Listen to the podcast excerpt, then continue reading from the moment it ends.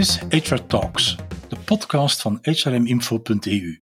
Ik ben Mark Ernst, de oprichter en directeur van HRM Info. Podcast is sponsorisé par Bright Plus, SD Works, Quintessence et Good Habits. Notre partenaire est de Podcast Factory. Org.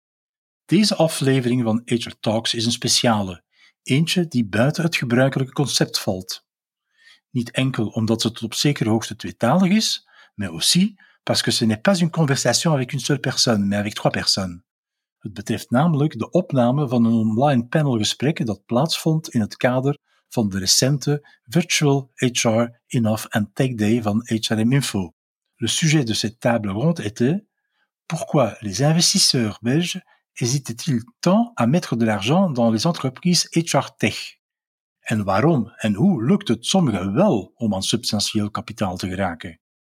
Wie onze drie gesprekspartners van vandaag zijn, wordt u zo meteen verteld door Swin Aarts, een freelance event host en tv-presentator, onder meer voor Canal Z. Zij modereerde het panelgesprek en introduceerde de gasten. Veel luistergenot, bon écoute. Van harte welkom aan al onze kijkers vandaag, maar natuurlijk ook van harte welkom aan mijn drie panelleden. Raf Seimus, Frederik Thibault en Koen de Walen.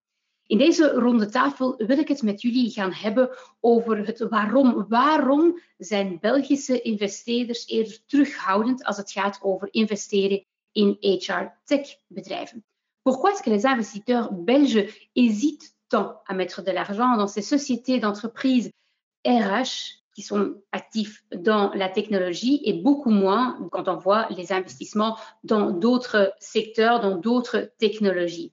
We hebben natuurlijk wel gelukkig maar een aantal voorbeelden van bedrijven die er wel in slagen om echt substantiële kapitaalsrondes door te voeren. En daar wil ik natuurlijk ook wel even over hebben van hoe komt het dat zij er wel in slagen.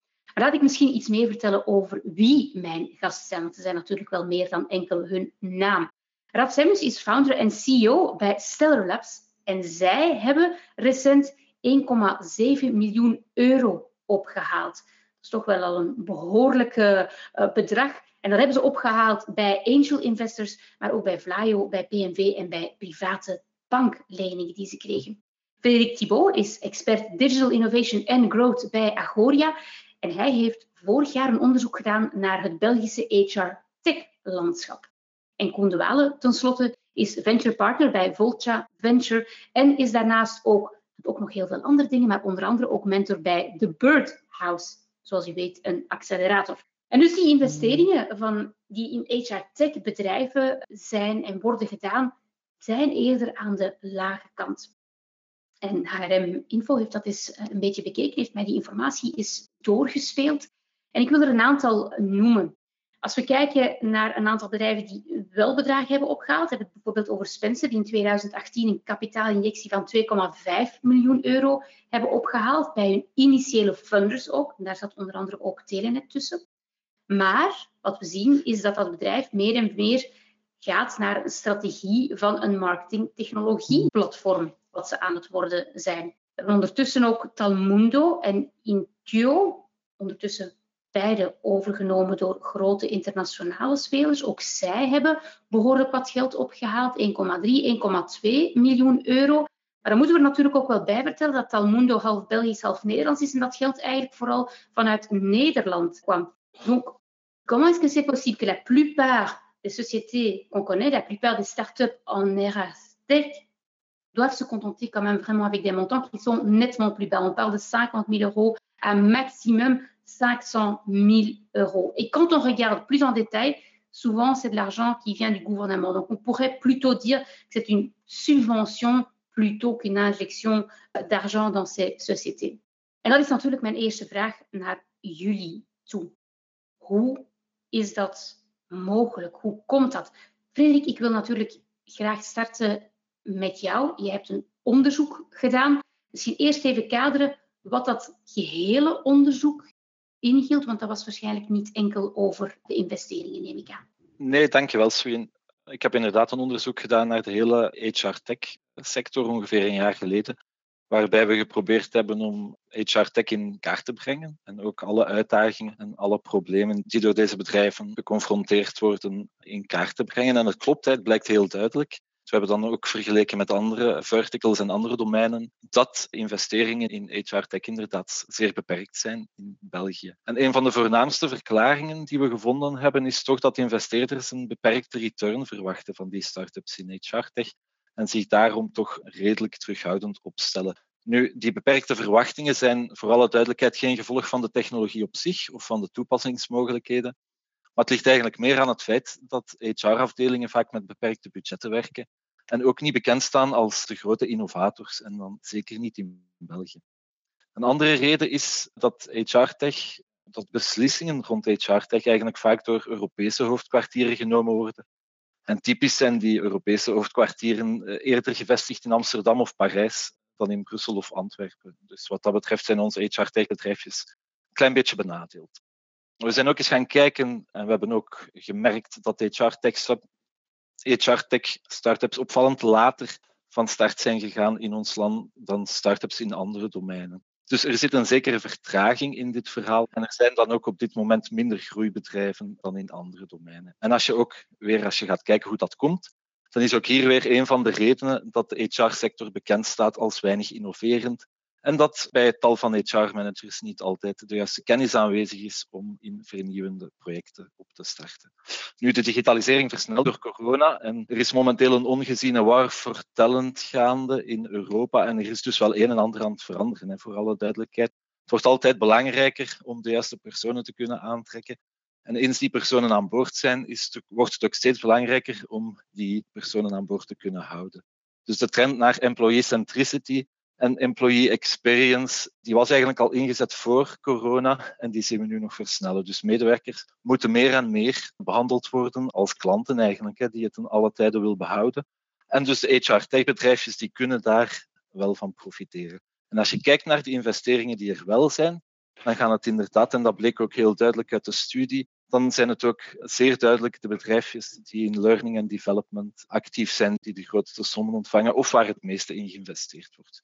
Dus dat zijn enkele van de voornaamste conclusies die we uit dat onderzoek gehaald hebben. Ik hoor je zeggen, eigenlijk eh, een stukje een vertraging. En je hebt het ook heel vaak over bedrijfjes. Dus het zijn eigenlijk nog maar kleine bedrijfjes. We hebben het nog niet echt over een aantal scale-ups die geld ophalen. We hebben het duidelijk over een aantal start, neem ik daar te, te begrijpen. Als jullie kijken en als investeerders rondkijken naar onder andere bedrijven, neem ik aan, in, ook in HR Tech, naast andere technologische bedrijven. Heb jij dan bepaalde redenen die je ziet van waar die terughoudendheid komt? Dit is gebleken uit het onderzoek. Zijn er nog andere dingen wat jij day-to-day merkt als je ermee bezig bent? Ik denk dat Frederik zeker een aantal uh, heel terechte punten aanhaalt die ik uh, zo meteen op inhakken. Maar om te zeggen terughoudend of weigerachtig, ik denk dat dat niet specifiek is aan HR-tech, maar dat gewoon onze kritische blik is die we overal moeten opwerpen. En wat ik zie is market maturity. Ik denk dat Frederik daarnaar verwezen heeft. Was er mhm. nog niet helemaal. Zie je nu versnellen, inderdaad op learning, maar ook op andere zaken, blue collar, zoals uh, blue collar communication, etc. Dus het gaat niet enkel over de digital mensen, maar ook de communicatie met in de field, zie je nu duidelijk versnellen, getriggerd uiteraard door de COVID-situatie. Maar dus market maturity is denk ik heel belangrijk. De schaalbaarheid is voor een VC, en dan kom ik naar het punt van Frederik rond low return. Schaalbaarheid is voor ons cruciaal, want dat is waar dat de return komt in de toekomst. We moeten een groot bedrijf kunnen bouwen. En daar heeft België natuurlijk een aantal handicaps, zeker in HR. Enerzijds administratief, juridisch. Als je naar dergelijke startups kijkt, okay, we hebben Officient gehad als verhaal uh, die dan uh, verkocht is aan Exact, die dat eigenlijk self-funded gedaan mhm. heeft. Maar in die sfeer loop je toch al snel op. Elk land is verschillend en zeker België is verschillend naar HR, admin, regulatie, regulation, etc. En de Belgische markt is klein. Dus je kan dan in België een topproduct hebben, je moet het eigenlijk gaan herbouwen in andere landen en je startbasis is een kleine basis. Vandaar Personio in Duitsland is een efficient-like bedrijf. Ja, die hebben gigantische bedragen gehad, ze zijn gigantisch doorgegroeid. Maar die hebben natuurlijk een grotere thuismarkt. België is marketplaces en dat hangt vast aan de grootte van het land, denk ik. Je hebt een aantal landen grote marketplaces rond freelancing en andere netwerken. Ook daar opnieuw zit je met een kleine startbasis als land in België. een aantal juridische kaders die zorgen dat je beginpunt beperkt is.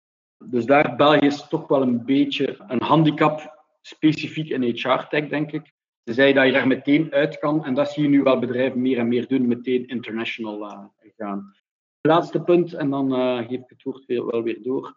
Wat we ook gezien hebben de laatste jaren, is toch iets te veel Red Ocean initiatieven. We gaan recruitment efficiënt maken. Ik neem nu daar eentje als voorbeeld. Ja, één, recruitment is efficiënt. De inefficiënties zijn een beetje structureel. Zijn de, ja, we hebben de match niet. En dan kan je wel een betere tool hebben. Ondertussen denk ik, als ik eens zou oplijsten, denk ik ik al twintig gezien heb het laatste jaar, die zich op het recruitment proces richten. Ja, how do you stand out? En is daar echt verschil te maken? Dat is dan de vraag. En dan een bedrijf dat ik iets beter ken, omdat ze ook in Birdhouse staat, een TechWolf bijvoorbeeld. Die zijn begonnen in recruitment en hebben zich hergepositioneerd naar eh, strategic workforce planning. Dus zij gebruiken AI om uw skill gaps te gaan analyseren en, en zo uh, lange termijn strategische workforce te gaan ontwikkelen. dus die hebben dat duidelijk begrepen van in recruitment kunnen we het verschil niet maken, maar in andere domeinen wel. Dus dat is wel belangrijk voor start-ups. Van, kijk goed waar je je positioneert en waar kan je het verschil maken. Ja, ik hoor jou heel duidelijk zeggen, we zitten met een heel complex land. Dus als je in HR Tech wilt lanceren, denk dan misschien vooraf even dat het in andere landen er wel heel erg anders aan toe gaat. Zorg dat je die niche echt wel heel duidelijk vindt. En doe niet wat al zoveel anderen gedaan hebben. Ik kom heel graag bij jou, Raf, want ja, jullie zijn er dan wel in geslaagd. Misschien eerst even kaderen wat jullie tech dan exact doet, dat we daar toch tenminste mee in zijn. En misschien even, wat denk jij dat het gemaakt heeft dat jullie daar dan wel in geslaagd zijn? Ja, in de eerste plaats, onze de technologie is ondersteunend aan de methodologie die we gebruiken. Hè. Dus we hebben een wetenschappelijke methodologie ontwikkeld om uh, medewerkers op een heel effectieve manier bij te scholen en op te scholen. Wij doen ook nog onderzoek met de Universiteit van Antwerpen om die methodologie nog te gaan verbeteren door gebruik te maken van data. En als je dan kijkt naar het probleem, dat is gigantisch. Hè? Het gaat een markt van 11,3 eh, miljard wereldwijd. Het is 80% van de CEO's geeft aan dat uh, upskilling bovenaan de agenda staat.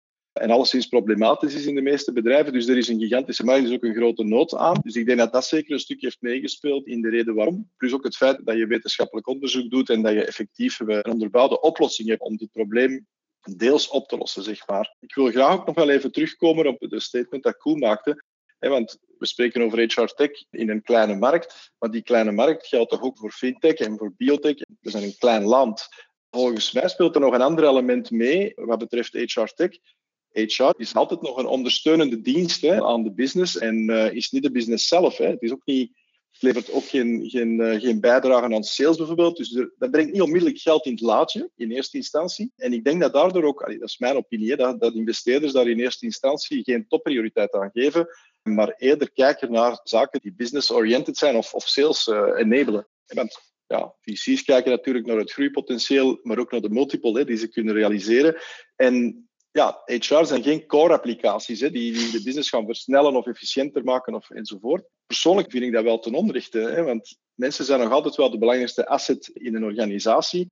Als je daar als bedrijf je impact op kan vergroten, hè, door de betere kandidaten te kunnen aanwerven of door mensen sneller uh, te gaan bijscholen en omscholen enzovoort, of ze laten groeien door een, door een effectieve leercultuur en het engagement van mensen kunt verhogen, ja, dat heeft dan een gigantische impact op de bottom line. Maar daar ligt volgens mij ook het probleem. En dat is dat die zaken ook moeilijker meetbaar zijn.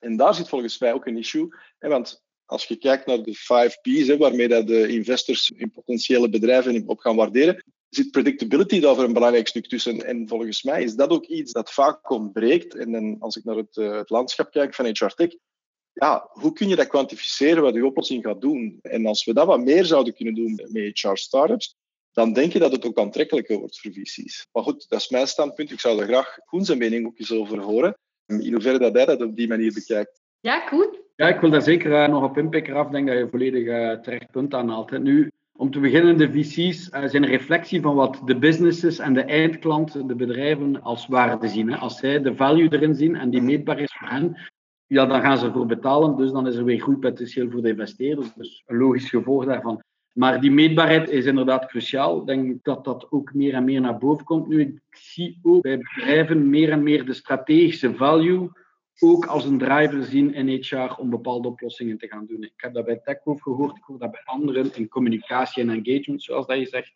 Uh, dat je nu die omslag ziet en dat je zelf ziet dat HR-tech-beslissingen niet meer tussen HR en tech genomen worden, maar in de operations en in de general management kamers genomen worden. En HR mhm. daarmee in de gatekeeper zit en in de selectie zit, maar dat de strategische keuze door operations of door general management genomen wordt. En dat is natuurlijk mhm. de stap die je moet kunnen zetten om echt valuable te zijn voor bedrijven, denk ik.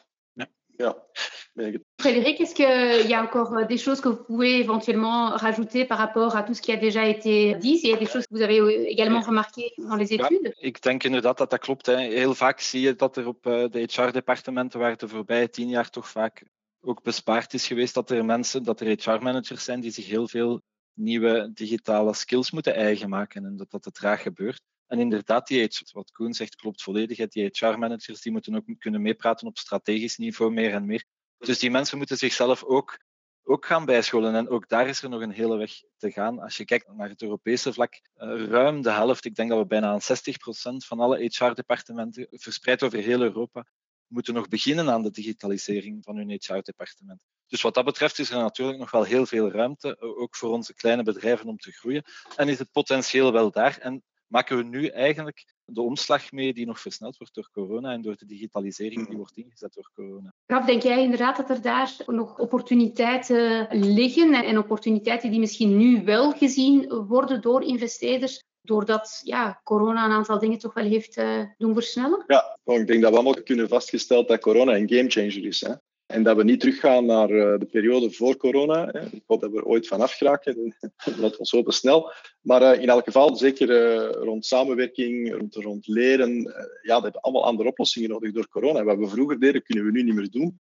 Dus um, ja, je ziet dat daar inderdaad een kantelpunt is. En dat toch wel heel wat, wat bedrijven daar aan het kijken zijn naar wat kunnen we doen, welke oplossingen zijn er, kunnen we ze zelf ontwikkelen, gaan we samenwerken met bedrijven die al een oplossing hebben je voelt daar wel dat er heel wat aan het bewegen is en dat er uh, ja, nieuwe opportuniteiten zich aandienen, sowieso. Je suis curieuse de comprendre un peu quelles sont les caractéristiques et notamment les forces, d'une part, d'autre part les faiblesses du paysage belge quand on parle d'investisseurs technologiques en général, mais aussi quand on parle d'investisseurs en RH tech en particulier, Frédéric. Est-ce que toi, tu peux nous dire un peu plus sur le côté des investisseurs privés et aussi des investisseurs uh, publics par rapport à ça? Oui, ik, ik denk dat de grote kapitaalrondes de voorbije jaren sowieso een issue geweest zijn in België. Hè. De fondsen die investeringen van meer dan 10 miljoen kunnen volgen of aan kunnen zijn, zijn sowieso dun gezaaid en daar hebben we er te weinig van zaaikapitaal en early stage was er voldoende aanwezig. En, en, dat is niet alleen in HR Tech zo, dat is eigenlijk voor de andere domeinen ook. Wat je nu wel ziet, is dat de situatie aan het keren is. Hè, en dat is ook weer een gevolg van corona. Er zijn eigenlijk minder grote aantallen van start-ups, zowel in HR-tech als in andere domeinen, die nu op dit moment seed en early stage kunnen aantrekken. En dat is een van de gevolgen, omdat ook investeerders hun, hun investeringen en de grotere bedrijven willen beschermen. Dus je ziet nu heel veel zeer grote kapitaalrondes, zeker naar België, als je kijkt naar wat er in België gebeurt. Maar het aantal bedrijven dat nog kleinere rondes kan aantrekken, is eigenlijk aan het dalen. Dus dat is ook een beetje een gevolg van de coronacrisis. En een van de gevolgen is dat kleinere bedrijfjes het op dit moment moeilijker hebben om uh, kapitaal aan te trekken bij private investeerders. De grote jongens die hebben het relatief gemakkelijker dan vijf jaar geleden. Ook omdat -hmm. die investeringen beschermd moeten worden en de investeerders beseffen dat die bedrijven moeten uitgroeien tot Europese of internationale kampioenen. Maar de echt kleintjes die nu opstarten, die hebben het moeilijker dan een tijdje geleden. Dus dat is wel een verandering die we zien en die ook deels een gevolg is van corona. Ja, Koen? Ja, misschien een beetje introspectie rond de sector van de investeerders en de early stage investeerders ook, is wel dat er heel wat zijn die niet alleen door corona, maar al ervoor de slag gemaakt hebben om op te schuiven in maturiteit van uh, waarin ze investeren en meer naar de grotere scale-ups, et cetera. Er is een ganse wave de laatste 18 maanden, 24 maanden, aangekomen, ook government-wise met Belgian Growth Fund, om meer en meer die grotere rondes en die local champions te laten doorgroeien. En daardoor is er misschien wat woestijn gekomen uh, in de early stage. Wij bij Volta blijven daar wel trouw aan. En er zijn er nog een aantal anderen die dat nu weer opnieuw opzetten. Maar inderdaad, ik denk, Frederik, ik denk dat het niet enkel door COVID is, maar dat het in het algemeen bij een beetje opgeschoven is wel. Een ander punt dat ik misschien zou willen maken hier is dat in HR tech, maar in tech in het algemeen, is SaaS het keyword natuurlijk. Hè? Software as a service, subscription-based, recurrente inkomsten, etc. Mhm. En daar is men in HR-tech niet altijd al geslaagd, ook historisch. En daar is, denk ik, in België, in het ondernemerslandschap, toch nog iets te weinig kennis van. Investeerders kunnen daaraan bijdragen, maar in tech, als wij kijken, maar ik zie ook onze conculega's, als het niet recurrente inkomsten is, dan moet je al van goede huizen zijn om funding op te halen, of significante funding op te halen. Uh, dus kennis rond SaaS kan zeker nog versterkt worden. En uh, investeerders, maar ook acceleratoren en dergelijke kunnen er zeker uh, nog een rol bij spelen, denk ik. Het feit dat er te weinig kennis is langs de kant van SaaS bij de mensen die bedrijven starten. Op welke manier kunnen we Koen nog zorgen dat die fit tussen investeerders enerzijds en bedrijven, al dan niet startend, of mensen die willen gaan scalen, elkaar op, op een bepaalde manier toch wel beter gaan vinden? Want hoe kunnen we daar uh, voor zorgen volgens ja, Ik denk inderdaad dat de zaak niet keer aanhaalt dat van zorg dat je juist een niche hebt, een unieke niche hebt, et cetera, is uiteraard heel relevant langs de start-up kant. En langs de investeerders, ja, maar daar is natuurlijk waar het geld zich naartoe richt. Een voldoende breed landschap van verschillende fase-investeerders vinden. De scale-ups, de grotere fondsen, ook de start-up fondsen, de zaaifondsen. De rol die overheid daar kan bij spelen, is daar ook relevant in natuurlijk op zijn verschillende manieren, subsidiëring of, of uh, debtfunding en dergelijke meer. Ik denk dat het allemaal puzzelstukjes zijn die moeten samenkomen.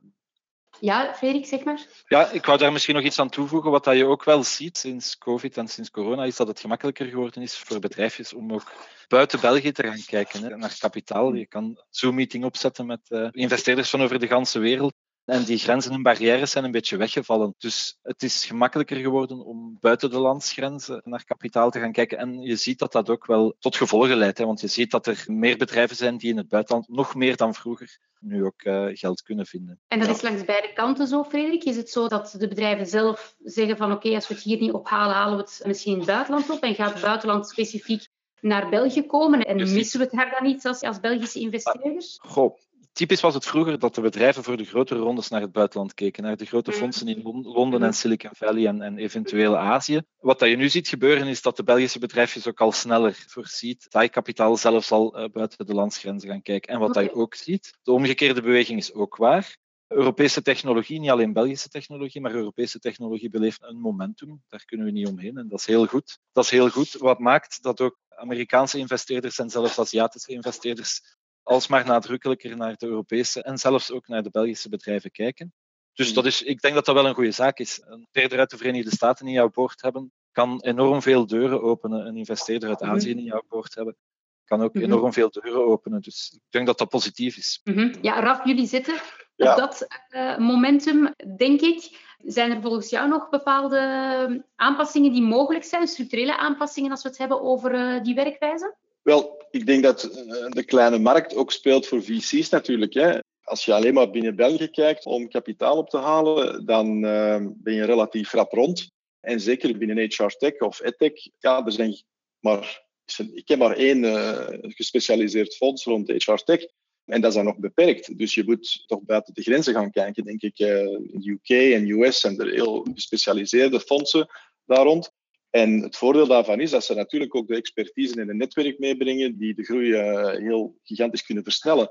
En ook voor uh, early stage investeringen hè, bestaan die fondsen er. Um, zowel voor seed als voor, uh, voor Series A bijvoorbeeld. Dus ja, wij kijken in elk geval niet alleen binnen België. wij kijken veel verder al voor een tweede ronde. Frederik, jij wil daar graag op inpikken? Ja, ik denk in dat hele HR-tech-verhaal dat ook de corporates en de grotere bedrijven sneller moeten meedurven varen op de vernieuwingsgolf. Ik heb het daar straks al gezegd, er moet een enorme strijd om talent. Ook onze techbedrijven gaan in de komende maanden en jaren honderden gekwalificeerde toppers moeten aantrekken. En die strijd mm in heel Europa. En als de corporates en als de grotere bedrijven niet meegaan op die trend om ook hun HR-departement sneller te digitaliseren en om tools te gebruiken die aantrekkelijk zijn en die aantrekkelijk gevonden worden door dat toptalent, dan gaan ze binnenkort geen talent meer vinden. Dan gaat alle talent naar de scale-ups, naar de unicorns van deze mhm. wereld. Dus ik denk in het hele verhaal dat ook de grotere bedrijven, de corporates, toch iets sneller die omslag gaan moeten maken naar de digitalisering van hun HR-departement en naar het meer strategisch maken van alles wat met HR te maken heeft. Mhm.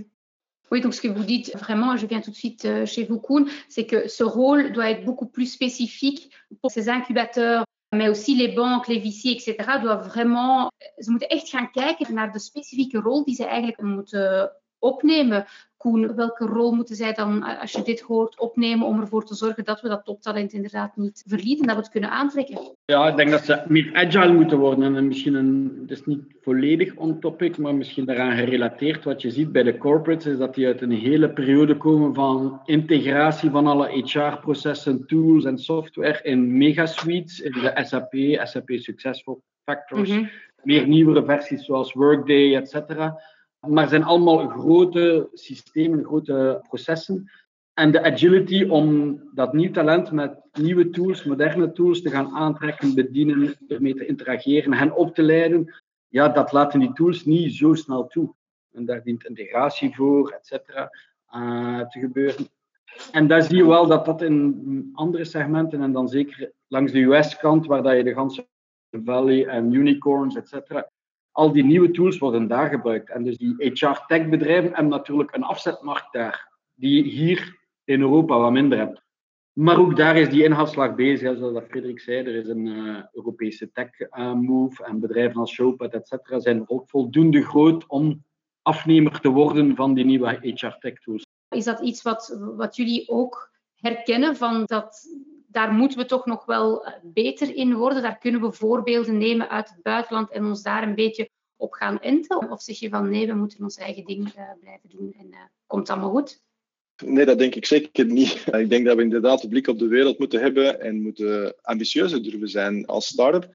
En vooral kijken naar wat zijn de grote problemen binnen HR die we moeten oplossen of die globally problematisch zijn en waar oplossingen voor moeten komen. En in plaats van te snel tevreden te zijn met een klein deeltje van de puzzel, zouden we eigenlijk ambitieuzer moeten zijn en moeten kijken naar hoe kunnen we dat probleem zelf oplossen. En als dat het, begin, het beginidee is, of de mindset is van in het begin, dan, dan ga je met andere oplossingen voor de dag komen dan, dan een klein stukje van de puzzel. Want een klein stukje van de puzzel, ja, dat is mooi, maar dat lost het niet op voor het bedrijf. Dus uh, ik denk dat we daar ambitieuzer in mogen zijn en met oplossingen komen die een globaal probleem uh, kunnen tackelen. Dat moet de mhm. insteek zijn, in mijn uh, opinie alleszins. Mm Frederik, jij wou iets toevoegen? Ja.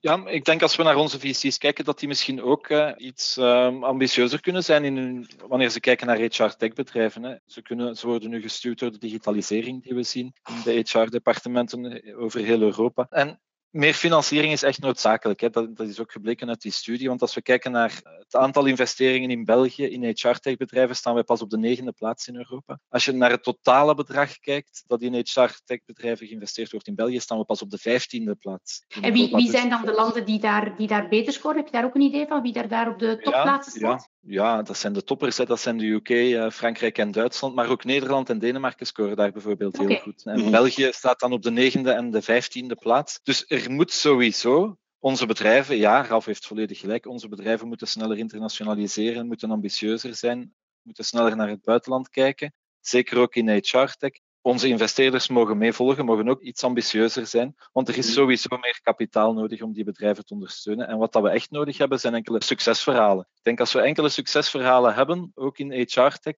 ik zeg maar wat, een Colibra of een Showpad in HR-tech, dan gaan de bedrijven volgen. En dan gaan de investeerders ook volgen, denk ik. Dus ik denk dat we allemaal een beetje aan het wachten zijn op het eerste echte grote succesverhaal in HR. Raf, ik hoor daar zo een beetje een shout-out misschien naar jullie toe. Zie je, dat, uh, zie je dat gebeuren? En hebben jullie zoiets van, ik hoor toch wel een beetje heel veel ambitie daar? Is dat effectief, hoor ik dat goed? En zijn jullie dan, als je zegt van we zoeken naar investeerders, vooral op zoek naar effectief het geld waar jullie met jullie knappe kop verder mee kunnen? Of zeggen jullie van nee, we willen ook wel heel graag investeerders die, die zelf ook know-how meebrengen. Waar zijn jullie dan specifiek naar op zoek? Ja, dat is evident. Hè. Ik denk, uh, geld is één ding, maar minstens even belangrijk is het netwerk en de expertise dat een investeerder mee aan boord kan brengen. En die combinatie, enfin, daar mikken we alleszins op, om dat soort investeerder aan boord te brengen. Als we dan kijken, wat was uw andere vraag? Of jij klaar bent om daar het grote voorbeeld te worden van het succesverhaal van België, die net als Showpad enzovoort een groot succesverhaal wordt, of je klaar bent om zo'n unicorn op je hoofd te gaan zetten binnenkort, of nog niet meteen? Of is dat niet over unicorn, we, hebben wel een, we, hebben, we zijn zeer ambitieus. En wij kijken van in het begin internationaal. Mijn co-founder is van de UK, dus wij, wij, zijn, we hebben een, een, team in België en een team in de UK. En wij hebben een heel groot probleem oplossen. En dat, is, dat gaat over dat upskillen en dat reskillen. En wij kijken veel verder dan de eigen landsgrenzen van in het begin. Dus die ambitie is er zeker. Maar ja, er zijn nog heel wat stappen te nemen voordat je daartoe komt. Maar die ambitie is er zeker, ja. En ik hoorde Frederik ook wel zeggen, ook de investeerders moeten ambitieuzer zijn. Ja, ik denk dat hij toen een beetje eh, naar jou aan het praten was, eh, Koen. Eh, klopt dat? Moeten jullie als investeerders ook een beetje meer lef hebben en zeggen van we gaan er wel voor, we geloven erin, we geloven in onze Belgische talenten, in ons onderzoek, dat dat ook gaat uh, doorgezet worden naar prachtige bedrijven? Ik neem de handschoen graag op die Frederik uh, gegooid heeft. Uh, daar zit misschien wel iets in, daar kunnen we zeker nog in verder stappen. Nu, ik denk dat er een aantal, en daar spreek ik niet voor Volt, een aantal andere fondsen, net die grotere stappen, die volgende fase, klaarstaan en zeker met aandacht kijken naar HR-tech bedrijven. Wij in onze vroege fase, ik kan nu wel al zeggen dat er heel wat onder de waterlijn bij wijze van spreken aan het uh, opborrelen is. Raf is al, heeft al zijn hoofd boven water gestopt. En zo zijn er nog een paar. Wij zijn zelf met één dossier dat net afgerond is in de learning space. En wij uh, zijn nog actief naar anderen aan het kijken. Dus er komen er zeker een aantal naar voren die, denk ik, dan de komende jaren uh, kunnen doorgroeien. En vooral ja, die recurrence en die internationale ambitie zit er meer in dan een twee, drie jaar geleden. In een aantal verhalen. Die nu natuurlijk nog embryonaal zijn, maar meteen internationaal verkopen. Door COVID dat ook makkelijker kunnen doen. Want er is meer openheid om internationaal aan te kopen, distance, eh, zonder fysiek contact te gaan uh, handelen. Uh, dus, dus er zitten zeker een aantal mooie verhalen aan te komen voor de komende drie tot vijf jaar. Die, uh, ik denk dat er wel zo'n unicorn zou kunnen uitgroeien. Dat is mooi. Dat is, uh, dat is heel erg mooi, Frederik. En ik neem aan dat jij uiteraard ook niet enkel kijkt naar die HR-tech-bedrijven, maar ook naar, we weten het, biotech, naar fintech enzovoort. We hebben een aantal mooie voorbeelden die het heel erg goed doen. Hoe komt het dat die Belgische bedrijven het dan zo goed doen? Ja, biotech is natuurlijk een van onze absolute strongholds in België. Daar zijn we absoluut de wereldtop. Ik denk dat we daar wereldwijd de top 3 of top 5 zijn. En dat, dat is een compleet andere business. Hè. Die return kan gigantisch zijn, maar echt gigantisch. Maar die investeringen zijn ook gigantisch. Hè. Als je naar Argen X kijkt, een van onze parels daar, die moeten meteen honderden miljoenen investeren. Dan spreekt je gewoon over. Dat is een totaal ander soort business, waar we in België trouwens al zeer veel ervaring mee hebben. Dus dat die bedrijven wel gigantische sommen kunnen ophalen, dat lijkt me ergens wel logisch. Maar als je ook naar fintech, fintech is ook een van die domeinen uh, waar we trouwens in Europa zeer goed scoren. Hè. Europa is echt het fintech-continent in de wereld uh, momenteel. Daar hebben we ook de succesverhalen, hè, die, waar we het daar net over hadden. Als je kijkt naar Nederland, naar Adyen, wat er met Adyen gebeurt op, op enkele jaren tijd, die zijn nu groter dan uh, ING en KBC samen. Hè. Uh, allee, in beurswaarde dan toch alleszins. Hè. Dus ja, dat zijn nu echt wel domeinen waar we in Europa enorm sterk staan. Kijk je naar digital health, je hebt in België, mm. dat is eigenlijk de number one als je naar digitale startups kijkt. We hebben het meeste aantal digitale startups in digital health en medtech we hebben daar zeer sterke ecosystemen. Hè. We hebben enkele heel sterke universitaire ziekenhuizen waar heel wat spin-offs rond ontstaan. Er wordt een zeer grote return verwacht van heel wat van onze digital health bedrijven. Dus ja, daar spreken we toch over domeinen waar we, en daar moeten we eerlijk in zijn, als België gewoon heel sterk in staan. Dus dat daar grotere bedragen naartoe gaan, dat daar gemakkelijker in geïnvesteerd wordt dan in HR-tech-toepassingen die je overal in de wereld ziet. Eh, en waar we minder uniek in zijn, laat ons eerlijk zijn. Mm -hmm. Dat is ergens wel, dat is ergens, dat ligt in de lijn van de verwachtingen, denk ik. Wat niet wil zeggen dat je als HR uh, techbedrijf niet ambitieus mag zijn, hè, integendeel. Ja, en daar haal je eigenlijk een aantal, een aantal dingen aan, die Koen ook net zei. Van, je wilt eigenlijk unieke bedrijven, je wilt in een bepaalde niche gaan zitten. En als je er zoveel in een dozijn hebt, dan stel je de vraag waarom zou die persoon dan het verschil gaan, uh, gaan maken. Raf, jij wil nog iets toevoegen? Ja, ik wou een vraag stellen aan Frederik eigenlijk, hè, want we spreken over biotech, medtech enzovoort. Zou het interessant kunnen zijn om ook voor HR Tech een soort een, organisatie of, of, een incubator op te richten die specifiek daar rond gaat? Want die bestaat wel. Er is HR Tech Valley natuurlijk, maar er is niet echt een, een, specifieke incubator daar rond of een accelerator. Wat denk jij daarover, Frederik? Is dat iets dat, uh, dat interessant kan zijn? Ik denk dat dat interessant kan zijn, want we hebben heel veel HR-tech-bedrijven in België. Dat is het probleem niet. Hè. Dus de bedrijfjes zijn er, hè, voor alle duidelijkheid. En er zijn er steeds meer. Er zijn ook sterke technologieën. Alleen, Belgische bedrijven zijn altijd sterk als je naar de technologie kijkt. Dus het ecosysteem is er wel, maar het ecosysteem is nog niet zichtbaar genoeg en er zijn nog te weinig succesverhalen. Dus alle initiatieven die daaraan kunnen bijdragen, bijvoorbeeld een incubator, maar inderdaad, of, of nog een ander initiatief naast HR Tech Valley. Ik denk wel dat dat wel kan helpen. En misschien moeten we maar eens grensoverschrijdend gaan kijken. In Nederland heb je ook heel veel HR Tech bedrijven die al iets verder staan. Misschien moeten we eens grensoverschrijdend gaan kijken of er niks kan worden opgezet met onze Noorderburen bijvoorbeeld. Mm Ik zou zeggen, jullie moeten dan maar uh, dat initiatief nemen. Hè. Uh, Raf, duidelijk uh, dat jij open staat voor dat initiatief. Dus ik zou zeggen, go ahead. Koen, je hebt in het begin aangehaald van België is een complex land. We moeten eigenlijk gezien onze complexiteit van het hele land en de kleinheid van ons land met heel veel dingen rekening houden als het gaat over HR en dus ook over de tech die daarbij hoort. werd een beetje weerlegd, ja, maar dat is toch ook wel zo. We zijn toch even complex als het gaat over fintech, als het gaat over biotech. Denk je dan van, ja, inderdaad, dat is even complex, maar die HR maakt het nog veel complexer. En op welke manier kunnen we daar dingen volgens jou echt doen keren? Zou zo'n incubator een goed idee zijn volgens jou? Ja, ik denk dat dat zeker uh, relevante initiatieven zijn. En als die dan nog eens de, en dan spreek ik een beetje natuurlijk voor de opleiding en de toevoer naar ons toe, SaaS-gerichte kennis meebrengen, dan uh, kan dat op tech-vlak uh, zeker helpen. Uh, wat ik misschien nog als, als comment zou willen geven is, ja, het is complex, administratief, juridisch, etc. Maar misschien moeten we HR-tech niet als HR-tech meer bekijken. er is een groot verschil. Fintech brengt financiële technologie en financiële oplossingen. HR-tech is toepasbaar in alle sectoren. Dus HR-tech is voor mij niet een apart domein meer, maar is een new way of working en moet daar volledig ingebed worden. En zo dichter komen bij operaties, business en in combinatie gaan. En dus niet als wij zijn een HR-applicatie. Nee, wij zijn een manier om onze workforce up te skillen, zoals RAF positioneert of andere zaken. En zo binnen een new way of working wave terecht te komen, die direct die markt op zijn minst perceptiegewijs veel groter zal maken. En denk ik ook uh, bedrijven, maar ook investeerders uh, kan gaan aantrekken. Mm. Dus ik pleit eigenlijk een beetje voor HR-tech niet als HR-oplossingen te zien, maar als ja, way of working oplossingen te gaan uh, bekijken. En niet meer in de, die silo van HR uh, beperken. Dat is denk ik echt wel de nagel op de kop. En ik, ik, zie zowel Frederik als Raf knikken bij wat jij zegt. Raf, jij wou nog iets toevoegen? Ja, inderdaad. Uh, zo had ik het nog niet bekeken. Uh, wat, wat, Koen zegt, hè, het is inderdaad als je een, rond een new, eh, new ways of working werkt en je kijkt, je bent niet gebonden aan een sector. Hè. Elk bedrijf heeft die technologie of heeft dat soort diensten binnen zijn organisatie. Dus ja, qua schalen is dat wel een heel groot pluspunt. Hè, dat elk bedrijf in elke sector dat nodig heeft en niet enkel in de financiële of in een andere sector. Ja, maar dan gaan de grote klanten ook... Dat kan alles onthouden. Ja. Wat, wat zei je, Frederik? Dan gaan de grote... Maar, dan gaan de grote klanten, de grote corporates en de grote afnemers natuurlijk moeten volgen. Hè. En ook de HR-managers en, en, dergelijke. Mhm. Maar dat is zeker een, zeker een interessante piste. Ja. Dus we weten al wat er op jullie eerste meeting, en die kan helemaal digitaal, gaat staan om eens na te denken over uh, die denktank. Punt 1 is, moeten we het nog wel hebben over HR-tech en oplossingen? Nee, we moeten het veel breder gaan zien.